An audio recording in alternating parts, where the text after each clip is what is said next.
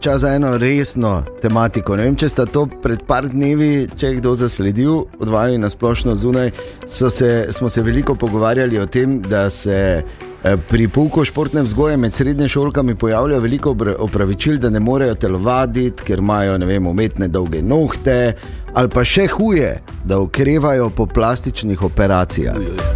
In to mladostnice.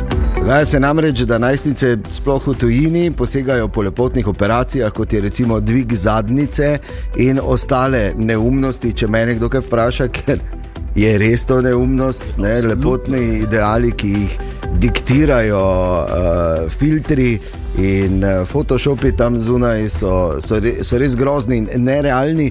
In grozno mi je, ko pač eh, nekdo percepira to kot nek lepotni ideal, ki se mu je nujno treba približati, pa čeprav tudi tako, da, da greš pod kirurški nož.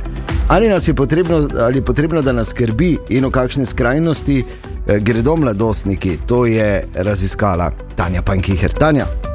Mladostniki se že dalj časa soočajo s težavami glede lastne samopodobe, tako je tudi raziskava iz leta 2022, ki jo je upravila spletna stran safe.sim, točka osveščanja o varni rabi interneta, pokazala, da kar tretjina slovenskih dijakin razmišlja o plastični operaciji.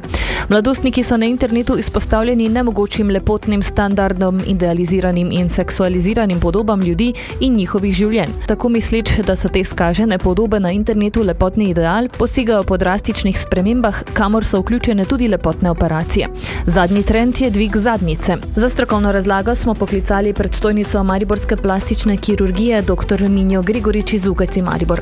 Zdaj, v resnici narašča popraševanje po estetskih posegih pri mladostnikih in mladostnicah v zadnjih desetih letih, kar je vsekakor najbolj vpliv družbenih medijev. Koliko se jih pa potem v resnici izvede, pa druga zadeva, ne? kar nekaj je želja, nekaj pa potem realnost. Največ popraševanja je povečnega ravno pri teh eh, minimalno invazivnih posegih, predvsem zaradi raznih spletnih vplivnic, ki si povečujejo ustnice, ličnice, potem dojke, pa uh, zadnjice. Težava se sicer sicer pojavi tudi z nedoraslostjo mnogih, tako telesno kot psihično, razlaga Gregoričeva. Naši možgani se razvijajo tam do sredine 20 let ali pa do poznih 20 let in do takrat ne znamo mi realno oceniti, kaj si res želimo. Telesni vidik je pa seveda to, da se rast v višino konča, rečemo pri deklicah okrog 15. leta, pri fantih tam nekje do 18. leta, ampak naša fizionomija, predvsem fizionomija obraza, se pa še spreminja do sredine 20 let. Tako da katerikoli estetski poseg pred nekje 25 letom načeloma ni smiseln. Po pojasnila smo se obrnili tudi na fakulteto za šport Univerze v Ljubljani. Profesor športne vzgoje Gregor Starci je zapisal, da je po njegovem primeru opravičevan zaradi lepotnih operacij tako malo, da je samo medijsko poročanje o tem bistveno preseglo vse realne okvirje.